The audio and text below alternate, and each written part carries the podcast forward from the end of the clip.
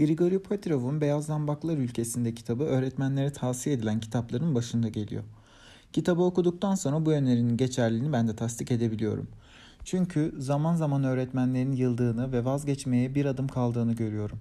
İşte böylesi zamanlarda yola daha büyük istek ve çalışmayla devam edebilmek için Petrov'un söylediklerini şöyle bir akıldan geçirmek tahminlerden öte bir yarar sağlayabilir. Beyaz Zambaklar ülkesinde sadece öğretmenlere ve memurlara yönelik bir kitapta değil.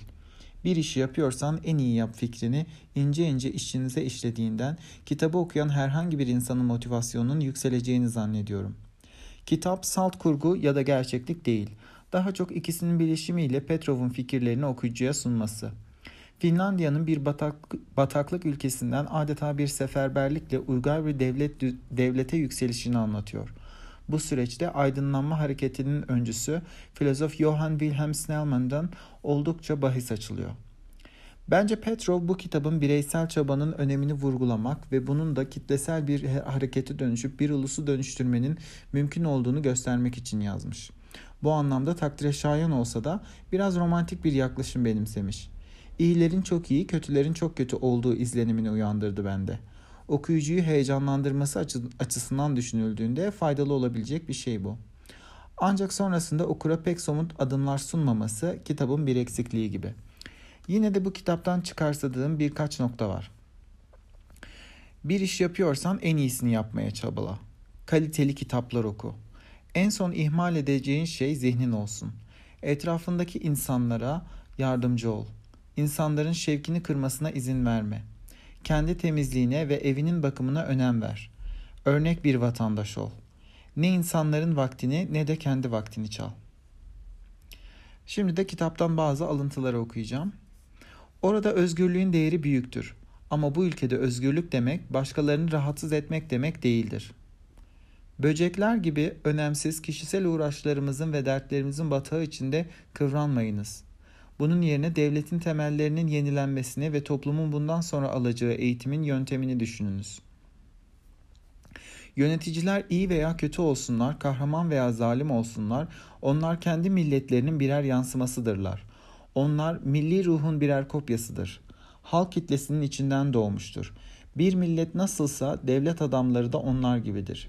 İşte bu neden nedir ki eskiden beri her millet layık olduğu idareye ve devlet adamlarına sahip olur denilmiştir. Snellman Sayma adında yayınladığı gazetesinde ülkesi, ülke insanına sürekli şu düşünceleri iletmiştir. Ne zaman bizim küçük milletimiz büyük komşularından daha yüksek bir uygarlığa sahip olursa ancak o zaman tehlike savuşturulmuş olur. Kanunsuzluğun en büyük öğreticisi kimlerdir bilir misiniz? Sorusunu yine kendi cevapladı. Memurların ta kendisidir. Yasayı uygulamakla yükümlü olanlardır. Halka yasalara itaat etmenin yollarını ve çarelerini memur öğretir. Küfür etmek medeniyetsizliğin belirtisidir. Eğer yiğitliğinizi göstermek istiyorsanız bunun için daha asil çözümler bulunuz. Şimdi siz, evlat sahibi anne babalar, bir kere düşününüz. Kendi vicdanınıza danışarak bir karar veriniz. İçinde bulunduğu aile çevresi ve havası çocukların kişiliklerinin sağlıklı bir şekilde oluşması, oluşmasında ne derece olumludur? Ama bundan hiç, hiç kimse ders almadı. Politikacılar ve generaller hala o eski zorbalık ve yağmacılık oyununu devam ediyorlar. Sürekli devletlerinin sınırlarını genişletmeye çalışıyorlar.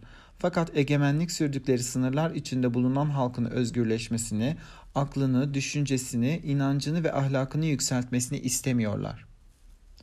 Halkı aydınlatabilmek için önce aydınlanmış olma gereğini kavradılar. Öncelikle bütün özgürlükleri, mutlulukları ve zenginlikleri kendisi için isteyen ama halka ise en büyük sefalet ve mahrumiyetlere karşı tahammül etmeyi tavsiye eden burjuvalara ve seçkinci devlete kızıyordu.